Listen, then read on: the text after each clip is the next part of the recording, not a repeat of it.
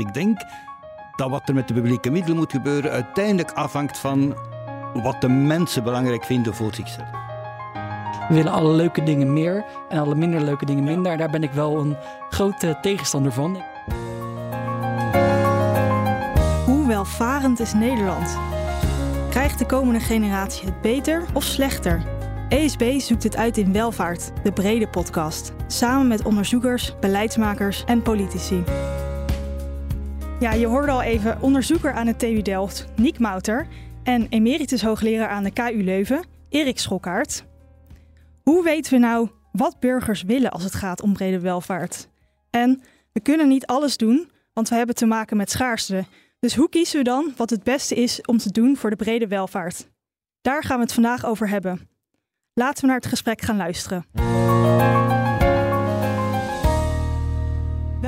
Bij de zevende aflevering van de brede podcastserie van ESB over welvaart. Vandaag zit ik, Maartje Schultz, met Marcel Canois naast me. En we gaan het hebben over kiezen of delen. Over preferenties van mensen en over afruilen als het gaat om onze brede welvaart. En we gaan zomaar over de grens heen naar België. Marcel, jij kent onze zuiderbuur die een van onze twee gasten is, toch? Zeker. Uh, de zuiderbuur in kwestie heet Erik Schokkaert. En wij kennen elkaar al zo'n 30 jaar. Uh, toen ik uh, postdoc was bij de Universiteit van Leuven, was Erik daar hoogleraar. Toen ik bij de Europese Commissie werkte, tien jaar daarna, toen dacht ik in een uh, opwelling, uh, ik wil iets over de capability approach doen met de Europese Commissie. Wat dat is, dat, daar komen we straks nog wel even op door te praten. En toen dacht ik, wacht eens even, zat daar niet een hoogleraar in Leuven die daar een expert in is? En toen heb ik Erik gevraagd om ons te komen helpen. En uh, toen hebben wij daarop samengewerkt en dat was heel plezierig. En als je naar het cv van Erik kijkt, overigens is hij tegenwoordig, zoals dat in Vlaanderen heet, emeritus met opdracht. Wat niet veel meer wil zeggen dat hij nog van de faciliteit gebruik mag maken en ook nog wat te doen heeft, zoals lesgeven. Uh, maar als je naar de, de, het cv van Erik kijkt, dan zie je ten eerste dat, dat, dat hij heel erg veel verschillende onderwerpen heeft gedaan. Zo had hij zich tegenwoordig, net als ik, zomaar met de dementie bezig. Wat ze in Vlaanderen dan weer dementie noemen. En, uh, maar er is toch wel een soort rode draad, vind ik zelf dan. Misschien dacht hij daar. Uh, namelijk uh, welvaart. Dat is toch eigenlijk wel de rode draad in zijn hele carrière. En rechtvaardigheid. En rechtvaardigheid, zeker. Dus Erik, super fijn dat je de lange reis uit Leuven hebt willen maken.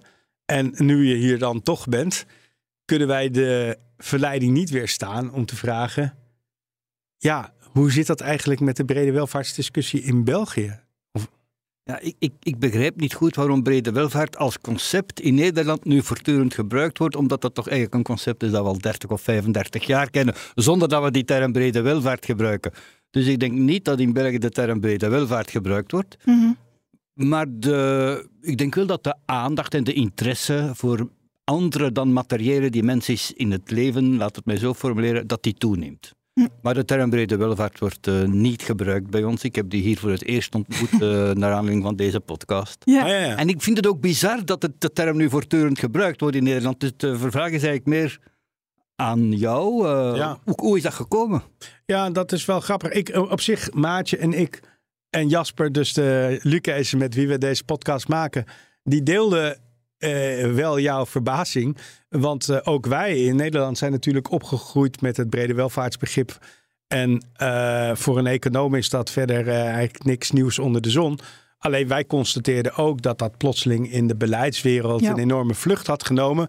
Kennelijk is men daar nu plotseling achter gekomen dat er nog iets meer is dan bruto nationaal product. En, en, en groei en, uh, en, en, en winst en, en zo. Uh, en dat is eigenlijk waarom wij ook deze podcast wilden maken. Van ja, wat is dat ja. nou? Is het nou echt oude wijn in nieuwe zakken? Of... Erik is niet onze enige gast van vandaag. We hebben ook nog een, een andere gast uh, bij ons in de studio. En dat is uh, Niek Mouter, onderzoeker aan de TU Delft. Uh, hij is ooit gepromoveerd op de maatschappelijke kosten- en batenanalyses. En houdt zich nu ook bezig met nieuwe methodes. Um, waarover we straks uitgebreid gaan doorpraten. Niek, misschien voordat we de, de diepte induiken. Wat heb jij met de term brede welvaart? Of misschien heb je er helemaal niks mee, dat kan ook. Uh, ja, heel veel. Nee, ik, ik, uh, ik vind het ook. Um, als ik kijk toen ik begon met mijn promotieonderzoek, dat is alweer in 2009. Dus het is alweer een hele tijd geleden. Uh, Mag maar tot Erik en ik gaan vertellen wanneer we gepromoveerd ja, zijn. Ik vind, het al, ik vind het al best wel lang geleden. Als ik tegen mijn studenten zeg van. ik, geef ik geef dit vak nu al 14 jaar, dan zeggen studenten tegen mij van. Wordt dat niet saai? Ja. Zeg ik, nou, er zijn nog mensen die het al veel, nog veel langer dan 14 jaar doen. Ja.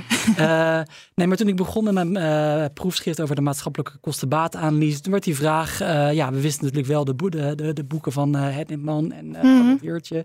Het concept brede welvaart was bekend. Maar ja, de uitvoering was gewoon heel strak. We doen die maatschappelijke kostenbaatanalyse op één manier. We kijken eigenlijk alleen naar private betalingsbereidheid.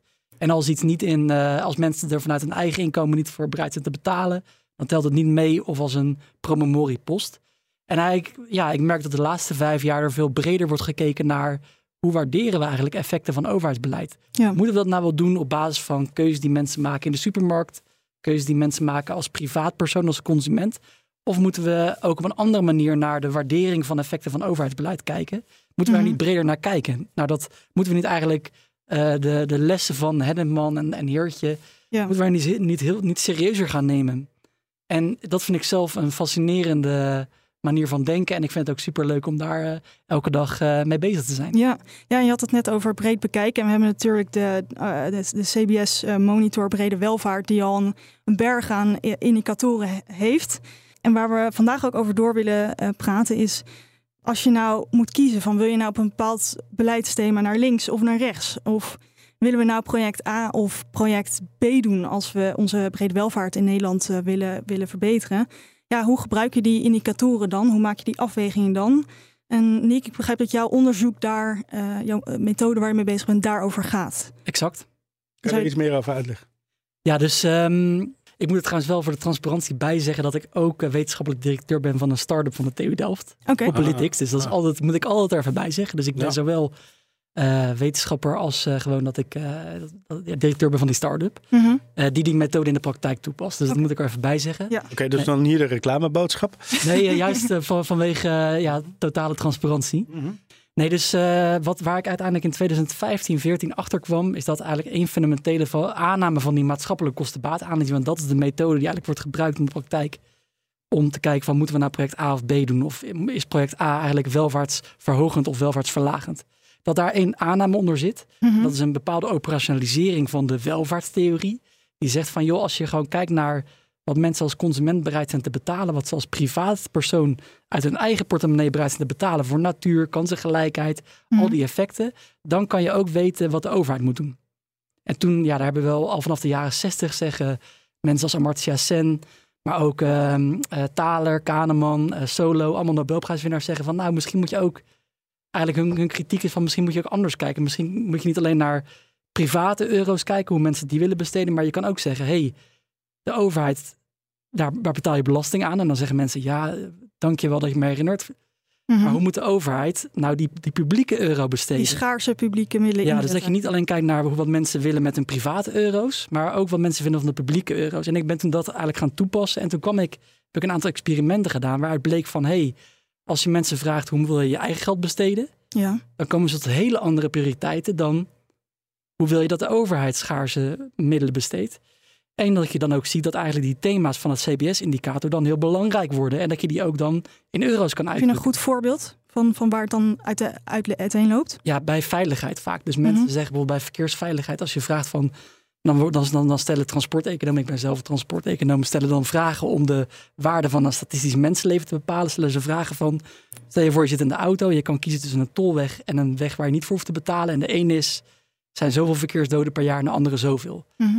En, dan, en, en de, de reistijd is zoveel en zoveel. En dan zeggen mensen eigenlijk consequent van ja, doe mij maar de snelle route. Want joh, ik kom toch niet om in het verkeer. Ik ben een hele goede automobilist. En dan zegt de econoom, zegt, oh, mensen zijn dus bij, blijkbaar heel weinig te betalen, bereid te betalen voor veiligheid.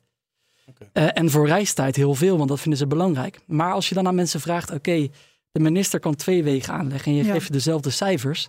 nou, dan geven ze een factor 15 eh, meer uit eigenlijk aan veiligheid dan aan reistijd. Dus je ziet eigenlijk dat eh, ja, we hebben dan ook wel eens van, ehm, van 16 projecten voor de vervoering Amsterdam hebben dan een MKBA gemaakt. En zo'n participatieve waarde-evaluatie. Ja, want dat is de Ja. methode waar je nu En daar mee- zie je dan eigenlijk dat de prioritering soms helemaal tegengesteld is. Als je een MKBA doet, dan zeg je eh, autoprojecten heel hoog. En, eh, nou, dus het, het maakt echt enorm veel uit welke toepassing van de welvaartstheorie je kiest. Oké. Nou, ik, ik, ik wil graag. eh, ik heb nog honderd dingen te vragen over die participi- participatieve waarde-evaluatiemethode. Ja, mensen, onthoud het allemaal even hoe je dit moet TWE, uitleggen. eh, Marcel. Maar ik ga eerst even naar onze gast eh, Erik Schokkaert. Eh, ben, ben jij vertrouwd met dit eh, eh, concept en, en, en wat, wat vind je er eigenlijk van? Laat me zeggen, ik ga hier niet maatschappelijke kostenbaatanalyse verdedigen. Veel van de voorbeelden die gegeven werden zijn voorbeelden waar het helemaal fout loopt, denk ik. Reistijd, de waarde van de tijd en zo is een typisch voorbeeld waar het echt helemaal fout loopt. Dus dat ga ik niet doen. Maar ik vind het wel belangrijk om na te denken als we die verschillende dimensies van brede welvaart bekijken. Waarom zou de overheid dat belangrijk moeten vinden? Uiteindelijk denk ik dat de overheid dat belangrijk moet vinden als het belangrijk is voor de burgers Mhm. verschillende burgers gaan verschillende gewichten toekennen aan verschillende van die dimensies. Dus zouden we moeten te weten komen, denk ik, in een democratie in elk geval, wat, wat is het gewicht dat door verschillende groepen mensen, of individuen zelfs, aan die verschillende dimensies wordt toegekend. En dan denk ik dat sommige technieken van maatschappelijke kostenbaatanalyse wel nuttig zijn, andere niet, hè, maar sommige wel. En dat het misschien toch gevaarlijk is om onmiddellijk dat niveau van de individuele waarderingen voorbij te schieten en te zeggen, nu gaan we beslissen op het niveau van wat moet er met de publieke middelen gebeuren. Omdat ik denk dat wat er met de publieke middelen moet gebeuren uiteindelijk afhangt van wat de mensen belangrijk vinden voor zichzelf. Ja. En dat betekent niet dat de mensen noodzakelijk egoïstisch zijn en zo. Dat is Nee. helemaal iets anders. Ja, ja ehm, bij, die, bij die, die methode lijkt het mij ook wel heel belangrijk. Ik weet dat omdat dat ik dat uit de gezondheidszorg ken, waar Erik ook eh, onderzoek naar gedaan heeft. Is van ja, wat is het kennisniveau van mensen? Eh, Hoe stel je de vraag? Eh, ik, ik geef even een heel kort voorbeeldje. Ze hebben geprobeerd om de eh, health technology assessment-achtige dingen die wij voor geneesmiddelen doen, eh, aan burgers te vragen. Nou, het eerste wat je ze dan vraagt is, ja, alles moet vergoed worden uit publieke middelen. En als je ze dan echt een goede vraag geeft en ze wat meer kennis geeft, dan beginnen ze pas redelijke, tussen aanhalingstekens, verdelingen van publiek geld te maken. Dus, dus hoe zorg je ervoor in je design hè, dat je niet gekke antwoorden krijgt? Ik, ik ben het daar 100% mee eens. Dus ik vind ook als het over health technology assessment gaat, dat je dat niet moet doen door aan de mensen te vragen: zouden we nu dit geneesmiddel moeten opnemen in het verzekerde pakket? Nee, is dat dat- ver- dat- nee. dat- daar is voor is informatie nodig die die mensen niet hebben. Klopt. Nee. Maar wat ik wel denk is dat je de mensen kunt vragen hoe belangrijk is voor u gezondheid versus inkomen. En dan moet de- het, het effect van het geneesmiddel op gezondheid moet door experten vastgelegd Ja, worden. ja. Niet door de mensen, Nee, denk zeker. ik, eerlijk gezegd. Maar Ja, mag ik nog één ding aan. Het tweede is natuurlijk, dat is het informatiepunt. Het tweede punt is dat bijvoorbeeld over gezondheid ik, ben een, ik geloof dus in voorkeuren, maar dat mensen geen goed gevormde voorkeuren hebben over heel veel aspecten. Ja. En dat je dus door de manier waarop je de vragen stelt, door de framing van de vragen, Precies. bepaalde antwoorden genereert. En daar Ja. moeten we super, super voorzichtig Ja, en hoe doen jullie dat dan? Want eh, we weten eh, dat dit een heel kwetsbaar punt is. Ja, heel veel testen. Hmm. En als we dan bepalen, we hebben allerlei validiteitsvragen. Ja. We testen dan eerst met 100 mensen. En nou, oké, we willen dan bijvoorbeeld dat 90% het, het goed begrijpt. Alles wordt in B1 taalniveau vertaald. En inderdaad, eigenlijk, ik ben het helemaal eens met Erik. Dat je eh, goed moet kijken op welk niveau kan je burgers bevragen. En bij coronabeleid hebben we bijvoorbeeld dit ook vaak gedaan. Maar dan hebben we niet eens gevraagd naar de maatregelen als het ware. Maar gewoon, eh, u- er zijn twee, eh, twee aanpakken die verschillen op deze drie dimensies. Eh, aantal kinderen met leerachterstand, aantal mensen dat komt te overlijden en de kosten. Wat heeft u voorkeur? En dat, hebben we dan, dat heet dan een discrete keuze-experiment. Daar heeft Daniel McFadden uiteindelijk de Nobelprijs mee gewonnen met dat, die techniek. Die zetten we ook vaak in om te kijken hoe, men, hoe ruilen mensen bijvoorbeeld ja, leerachterstanden af tegen, tegen eh, ja, fysieke klachten. En met framing, ja, ik denk dat. We hebben het er ook eh, nog over gehad, Erik en ik. Dat ehm, ja, we leven wel in 2023. Er zijn zoveel dingen mogelijk om dat goed te doen met, met, met taalbureaus die daar goed op kunnen checken. En we zien toch ook, we hebben dat vier keer denk ik getest, dat we ook dan de helft van de respondenten is dan de ene kant op geframed, de andere de andere kant.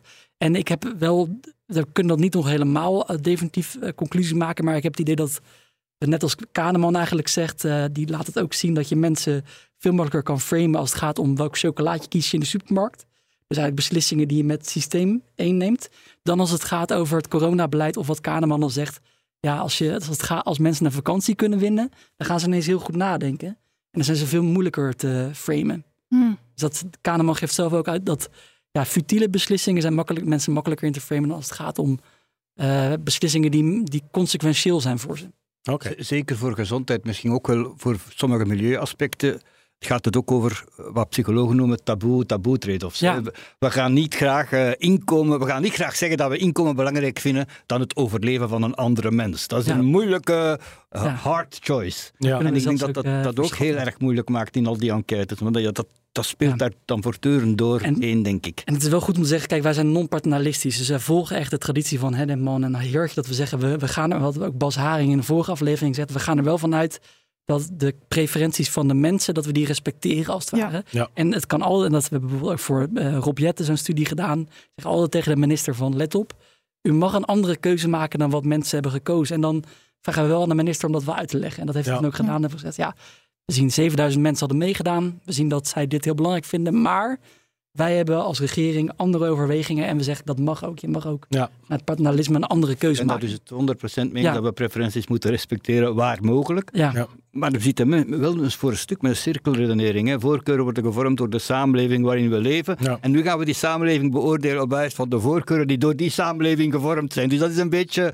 een moeilijke afweging, toch, denk Ja. ik. Ja, en Sharan, eh, Sharan van, van Krevel die ehm, had een, een vraag gesteld in de eh, vorige aflevering aan minister Adriaansens. En eh, hij vond het heel belangrijk om na te denken over hoe je ook burgers en burgerparticipatie bij brede welvaart eh, kan betrekken. En ik vroeg me af, eh Niek, hoe jij daarnaar kijkt en eh, eh, ja, hoe je daar in je methode rekening, goed rekening mee houdt. Ja, we passen dat eigenlijk toe. Eh, wat eigenlijk Sharon vroeg, dat passen we precies toe wat hij voorstelt. Dat je dus echt, aan burgers vraagt om die verschillende ja, elementen, die brede welvaartselementen af te wegen. Om dan ook te bepalen van, oké, zorgt project A nou voor dat de brede welvaart meer groeit of project B of project C? Of zelfs dat je kan zeggen, nou, project A is welvaartsverlagend of welvaartsverhogend. Maar wat ik er dan eh, wel bij moet zeggen is dat, ja, wat, dat dus nog altijd de politiek een andere beslissing kan nemen. Ja. En het, en het tweede is dat ik eh, ook wel denk dat het heel goed is. Want er was ook een discussie in een andere podcast met Erik Jan Smits of zoiets. Ja. Dan zei van ja, of Pieter Jan Smit, excuses. Ja, maakt niet uit. Die zei dan van ja, de beleidsdoelen eh, van de regering nemen wij aan voor de brede welvaartsindicator. En ik denk dat dat, dat is wel best wel paternalistisch. Ik denk dat het echt beter is om te kijken, eh, gewoon eh, in de economische je- traditie je van zou- wat vinden burgers nou dat Ja. hun brede welvaart vergroot. Je, je zou zelfs kunnen zeggen dat het niet paternalistisch is, maar wat politiek. Hè, Je zou kunnen be- beargumenteren dat instellingen als het CBS gewoon moeten meten. En dat als er bepaalde voorkeuren zijn, dat dat politiek dat moet doen. En dat dat niet al in de meten zelf moet worden. Anders krijg je hele verwarrende dingen, toch, eh, Erik? Ja, ik, ik denk wat participatieve processen betreft, moeten we toch ook nadenken aan welke voorwaarden moeten die voldoen om ethisch aanvaardbaar te zijn. En dat is een heel erg moeilijk punt. Dus welke info- dan, eigenlijk komen we met dezelfde vragen terecht die we ook met enquêtes hebben. Hè. Ja. Welke informatie moet je geven aan de mensen op, op, bij het begin van het participatieve Ja. proces? Hoe probeer je te vermijden dat sommigen de discussie volledig domineren Ja. en dat anderen in een hoek geduwd worden? Dus daar zitten heel veel voorwaarden aan, denk ik, om dat participatieve proces aanvaardbaar te maken vanuit Ja. ethisch of politiek Nou, over ethiek komen we zo nog Ja. verder te praten. Ik wil nog even één stapje terug, wat ook wel weer over ethiek gaat. We hebben hier, je noemde net al even de aflevering met Bas Haring. Daar zat ook Ingrid Robijts bij, die overigens een oud student weer van Erik is. Zo is eh, eh, het cirkeltje weer rond. Eh, en daar, die had het ook over de capability approach van Amartya Sen. Jij noemde Zen ook. Eh, Erik heeft eh, veel, veel onderzoek gedaan. Eh, hoe zie jij eigenlijk, eh, want we, noemen dan die term dan wel de hele tijd, maar de, niet alle luisteraars zijn vertrouwd met dat gedachtegoed. Hoe zie jij de relatie tussen wat Zen heeft gedaan in zijn capability approach en de discussie die we thans voeren over de brede welvaart? Nou, ik denk dat Sen in elk geval. Laat me eerst met een zeer eh, oneerbiedige opmerking beginnen. Sen heeft veel zaken naar economie toe vertaald die sociologen eigenlijk al 30 jaar tevoren aan het doen waren. Maar hij heeft dat wel op een zeer verstandige, clevere, coherente manier gedaan. Dus ik denk wat hij heeft benadrukt is gewoon dat, dat, dat bij de beoordeling van het leven van mensen moet gekeken worden naar niet alleen materiële dimensies, maar moet gekeken worden naar de mogelijkheden die die mensen hebben om hun eigen levensdoelen te realiseren, om het zo te formuleren. Ik vind dat een, eh, een zeer valabele bijdrage, waar dan hij toch ook opnieuw met de vraag geconfronteerd wordt waar wij het hier al hebben over gehad. Als die verschillende dimensies er zijn, hoe gaat je die dan wegen? Ja. En daar heeft Sen zelf eigenlijk ook uh, nogal een voorkeur voor participatieve processen. Hè? Ja, Zet ja, mensen hij- samen om ze daardoor te... Ja, hij heeft dan, eh, er is dan een, een indicator op landenniveau naar hem genoemd, maar dat vond hij eigenlijk Ja, maar dat een was ook- vulgar, noemde hij dat. Hij heeft ook Eh, groot gelijk. Hij heeft echt ook groot gelijk, Ja. vind ik. Maar, maar, maar is het niet ook zo dat de bijdrage van Zen niet alleen eh, materieel versus niet materieel is, maar ook op basis van uitkomsten? Hè? Gezondheid is ook een uitkomst. eh welvaart. eh, ten opzichte van eh, het toerusten van mensen om uitkomsten te genereren. Ja, Dat- en een dat beetje vind ik, maar dat is mijn, een beetje mijn kritiek op Kippenbeurt, die zo door Ingrid zeker niet zal gedeeld worden. Door dat te formuleren in termen zoals jij het nu formuleert, geef je wel veel verantwoordelijkheid aan mensen. Ja. En dus, ik weet, Sen schrijft altijd lange hoofdstukken hoe dat moet opgevangen worden. En zo, maar uiteindelijk, als je zegt, we kijken naar de mogelijkheden die mensen hebben, en dan doen ze maar wat ze... Ja, mensen kunnen zich geweldig vergissen. Hè. En sommige mensen zijn veel beter toegerust dan anderen om die mogelijkheden te realiseren. En ik denk dat Sen dat een beetje Ja. onder benadrukt. Wij hebben dat natuurlijk in Nederland aan den lijf ondervonden met de toeslagenaffaire. Waar eigenlijk het doenvermogen, zoals de Wetenschappelijke Raad voor het Regeringsbeleid dat noemt, van mensen is overschat. En mensen dus geacht werden allerlei dingen te snappen. En als ze dan een fout maakten, daar keihard voor gestraft worden. Eh, nee, ik denk dat het bij eh, dus die capability approach dat het heel goed is om te kijken van oké, eh, eh, nou, wat zou dat dan opleveren als het ware als je zo'n capability verder realiseert. Maar ook dus we onderzoeken bij de mensen zelf, wat willen we daarvoor opofferen. Mhm. Dus willen we bijvoorbeeld dat, we, dat het misschien de, de totale taart eh, wat minder groot is als het ware, zodat dan ook eh, mensen meer capabilities hebben. Ik denk dat het, eh, dus ik ben ook wel voorstander van participatieve processen, maar ik ben wel een econoom die dan zegt, er moet wel altijd, de schaarste moet wel in beeld worden gebruikt. En als je Zeker het ene meer wil, dan moet het andere, dan moet je ook iets ervoor opofferen. Ja, is daar te weinig besef nog eh, van? Ik vind van wel. Ik heb, ik heb nu een meta-analyse gedaan naar allerlei participatieve processen, ook in, in, in Nederland. Die is nog niet klaar. Maar ik zie toch bij acht van de tien keer dat het toch eigenlijk verlanglijstjes van Sinterklaas oplevert. Ja, En dat is nu een beetje die periode natuurlijk, maar dat eigenlijk de uitkomst is van het proces. We willen alle leuke dingen meer en alle minder leuke dingen minder. En daar ben ik wel een grote tegenstander van. Ik ben dan al, eh, wens ik je veel plezier bij het door, eh, doornemen van alle verkiezingsprogramma's. Maar eh, Ja, ik zou dat ook wel. Ik zou het ook. dat, dat kan ook scherper, denk ik. Dat je gewoon Mhm. beter zegt van oké, als je iets meer wil, leuk.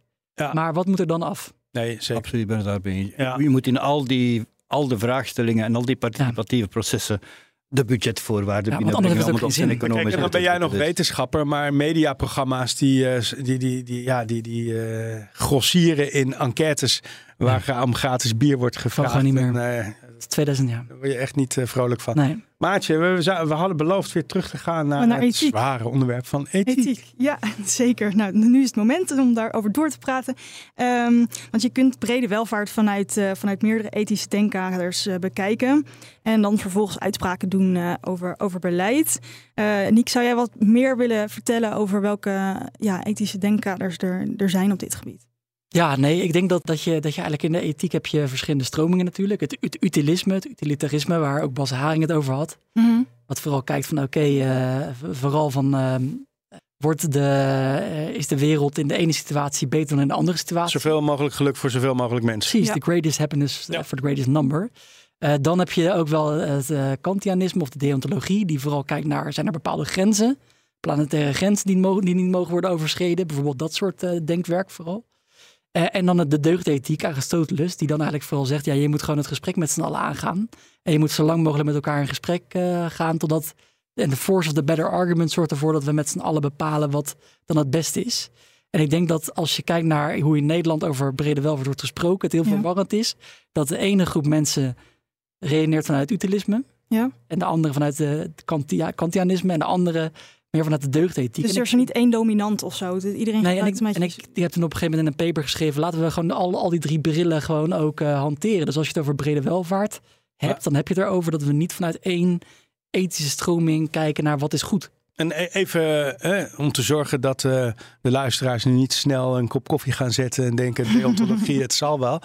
Ehm, eh, kun, je nou een voorbeeld geven van een, een brede welvaartsdiscussie waarin die drie verschillende stromingen tot hele andere uitspraken leiden? Want dan, dan, dan krijgt het een beetje handen en voeten.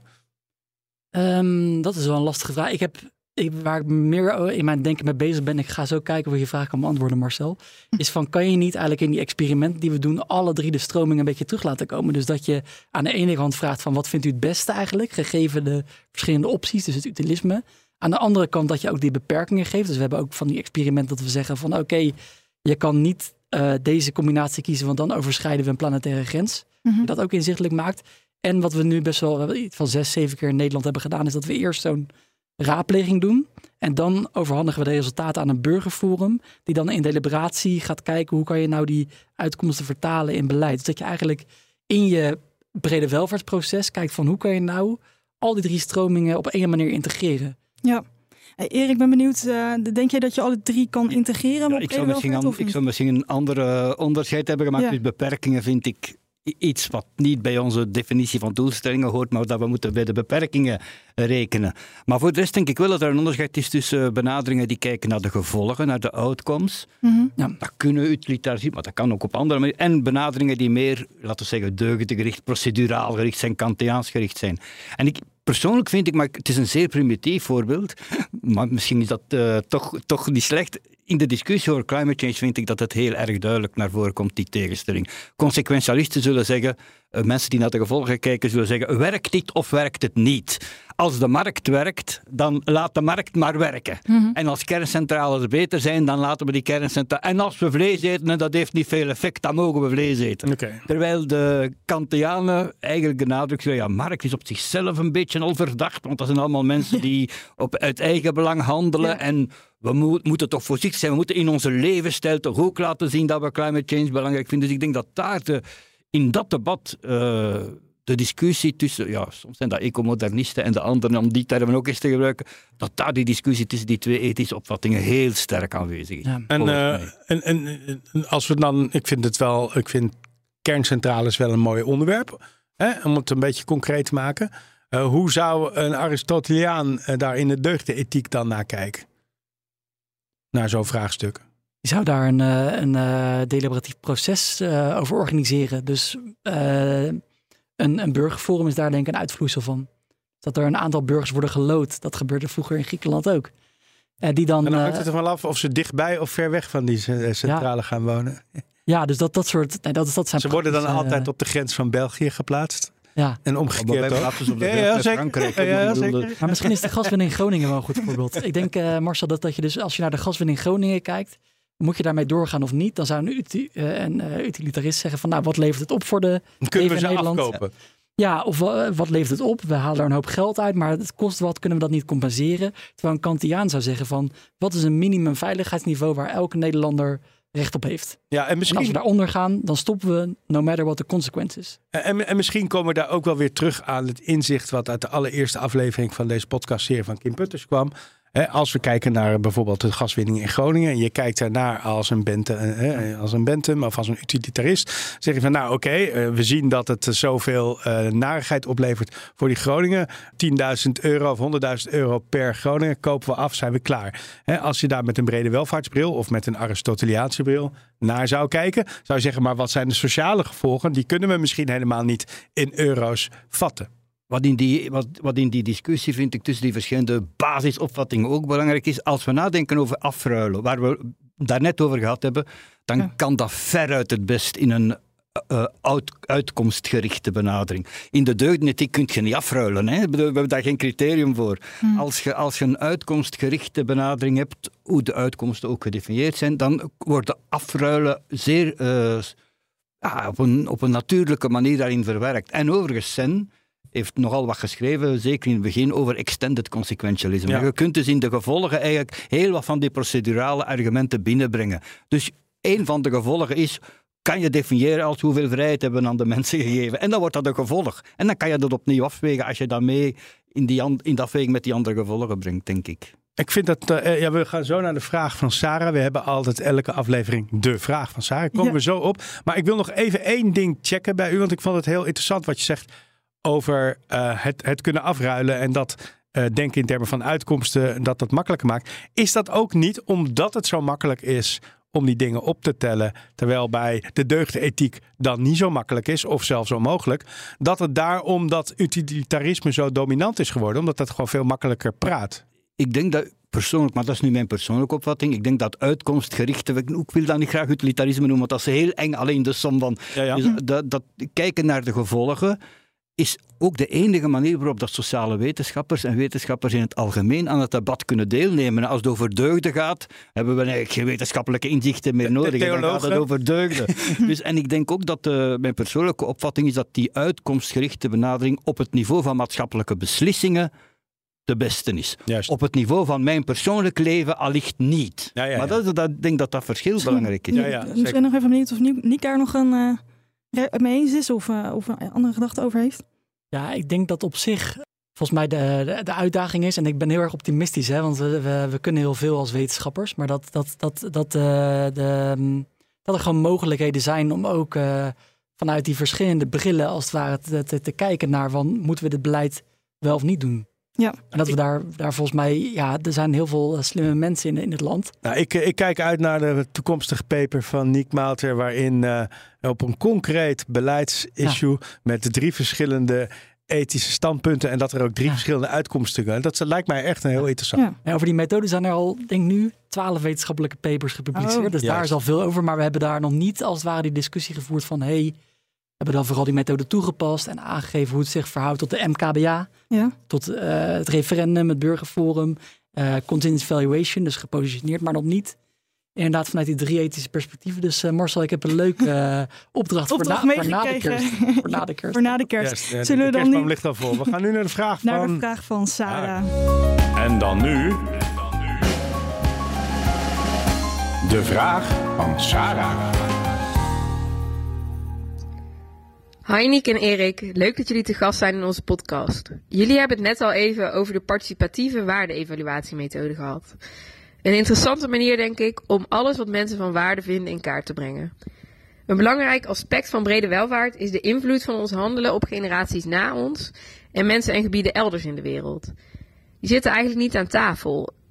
En ook niet bij die participatieve waarde-evaluatiemethode, volgens mij. En dan wordt het toch een beetje alles wat mensen hier en nu van waarde vinden. Hoe zouden we die perspectieven het beste kunnen meenemen? Ja, onze Sarah is altijd eh, van de goede vragen.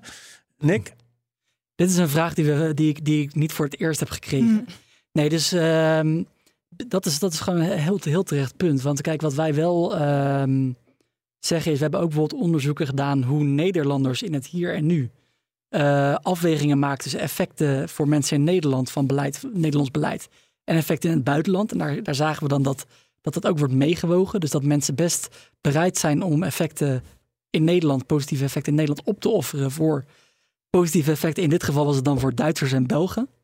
Zijn Nederlanders bereid, hè, Erik? Kan je kan je, je voorstellen? Ja. En we hebben ook eh, wel eens, ehm, dus voor, voor, de Tweede Kamer hebben we nu een onderzoek, zo'n zo'n PWE gedaan met 10.000 Nederlanders over klimaatbeleid. En lieten we expliciet zien van wat zijn nou de effecten voor toekomstige generaties. En we zagen dan dat mensen, als je dat laat zien, wat het effect is, heel veel offers eigenlijk bereid zijn te maken op een consumptiegedrag. Maar ik ben het helemaal met, eh, met Sarah eens. We kijken in die PWE gewoon vanuit de preferentie die mensen nu hebben. En het is prima, we hebben dat ook bij, tegen beleidsmakers gezegd, om daarnaast nog een analyse te doen vanuit wat een toekomstige generatie vindt. Maar ik vind dat zelf nog wel een uitdaging hoe. Hoe je dat dan doet. Ja, want dat is eh, ja, wij, ja, hoe je dat doet. Eh, wij hebben toch als het ware de. Ja, de, de- dat we ook, de, ook zenden dat aan individualisme. Dus dat we gewoon kijken naar de preferenties van mensen die nu leven. Ja. Eh, en daar, daar, de, dat, ja, daar is die PWE nog wel op gebaseerd. En ik ben benieuwd hoe je dat dan wel zou kunnen doen. Ja. Maar we zien dus dat mensen ook in het hier en nu offers bereid zijn te maken voor toekomstige generaties. Offers zijn bereid te maken voor mensen in het buitenland. En dat maken we dan inzichtelijk. Dus ik- denk dat we voor die toekomstige generaties, we kennen hun voorkeur niet en we, we maken ze zelf, die toekomstige generaties. Dus het is heel moeilijk om ze in het proces te betrekken, denk ik. Volgens mij moet dat een beperking zijn. In de zin van, Ja. wij proberen onze welvaart zo hoog mogelijk te maken onder de beperking dat het, het kapitaal, zowel het fysiek als het natuurlijk, het milieukapitaal dat we voor de toekomstige generaties overlaten, dat dat groot genoeg is en dat dat niet afneemt. Ja. En dus een beperking op wat dat wij nu kunnen beslissen, ik denk dat dat bijna de enige manier is om het te doen. Maar hoe groot die beperking moet Je zijn, zou- is dan best lastig. Ik. Je zou toch eh, nog een stapje verder kunnen gaan. Door te zeggen van nou, we gaan eerst eens een panel doen Ja, die Nick eh, heeft samengesteld. Eh, een eh, representatieve steekproef van de gemiddelde Nederlander, Ja. zal ik maar even zeggen. En daarna gaan we een panel met jongeren doen, tussen Ja. de 16 en de 20. En kijk, kijk of daar verschillen Maar uitkomen. da- ik, ik denk dat je daar wel botst op de beperkingen van dat soort van benaderingen. hè. Stel dat die panels allemaal vinden, dat, zouden vinden dat toekomstige generaties volstrekt onbelangrijk zijn. Ja. Die blijven vanuit ethisch standpunt toch belangrijk. Dus het is niet zo, denk ik, dat je, dat je de ethische Mm. waarden zomaar kan, afle kan Nee, afleiden maar uit da- wat, da- die, da- wat die panels denken. Dat ben ik me- met je eens. Maar ik denk wel dat je iets zou kunnen leren van het feit. Of daar misschien dezelfde of andere antwoorden uitkomen. Wat je daar Ja, vervolgens mee doet, dat is een tweede. Absoluut. Dat zien we wel inderdaad. We hebben nu net een, eh, ik mag nog niet zeggen welke eh, raadpleging dat is, maar dat we ook in de, mm, in, we doen ook vaak zo'n clusteranalyse van niet, dat we niet alleen naar het gemiddelde kijken, maar ook naar met een model in kaart brengen wat de verschillende clusters zijn in de populatie. En dan hadden we één cluster wat niet zoveel wilde doen aan klimaatbeleid. Daar zat één jongere in dat cluster. En in het Mm. cluster wat meer wilde doen, zaten veel meer jongeren. Maar ik ben toch wel ook gewoon nog van eh, de non-paternalistische leer als het ware. Want een collega van mij die zei, ja, bij die PWE moet je niet vragen wat zou u willen, maar wat zou u, stel je voor, wat zou je willen voor je kleinkinderen? Dat je een andere vraag stelt. Maar ik ben zelf, gewoon mijn persoonlijke mening is om het gewoon lekker binnen de klassieke welvaartstheorie te houden. Gewoon mensen mogen zelf weten eh, hoe ze als het ware antwoord geven. Ze mogen naar zichzelf kijken, ze mogen naar toekomstige generaties kijken, naar dieren. Maar dat ze het wel, eh, dat ze dat zelf mogen weten, vind ik belangrijk. Erik? Mag ik nog één, één heel moeilijk punt toevoegen waar ik Ja, geen antwoord over heb en waar ik absoluut niet weet hoe ik er moet over denken? Wat doen we met de dieren? Ah ja. En dat is iets wat op dit moment, ik denk dat dat de volgende jaren in belang gaat winnen, ook in onze samenleving aan belang wint. En het- dat roept precies dezelfde moeilijke vragen op van hoe moeten we die welvaart, dat welzijn van die dieren inschatten, hoe moeten we daar als Nou ja, mensen mee omgaan? Ik heb geen antwoord op die We vraag. hebben zelfs een partij voor de dieren. Ja, ik weet, Ja. het, ik weet het, ik weet het. Ik weet Hebben wij nog een gast eh, in de toekomst op de planning staan die iets over dieren kan vertellen? Of Nee, moeten we die misschien nog kunnen we een toevoegen? geit uitnodigen om eh, Ja, maar vragen. het is, gewoon een, het is gewoon een moeilijk punt, vind ik. Het is gewoon een heel moeilijk punt als we over brede welvaart spreken. Van waar definieert je de samenleving waarover het gaat? Ja. Zijn de dieren daarbij ja of nee? Ja, ik ken een, eh, een documentairemaker die een documentaire heeft gemaakt over een rivier in Nieuw-Zeeland. En dat is de eerste rivier die een eigen eh, juridische entiteit is geworden. En dat is eigenlijk hetzelfde soort eh, principe als een dier. Hè. Die hebben geen stem. En, en, door zijn, en eh, die, die kunnen dus, die rivier kan een rechtszaak aanspannen bijvoorbeeld. Ja. nou, maar je ziet toch in Ja. ook, ook eh, want we hebben nu iets van, nou, laten we zeggen, 50, misschien 70 van dit soort studies gedaan de laatste jaren.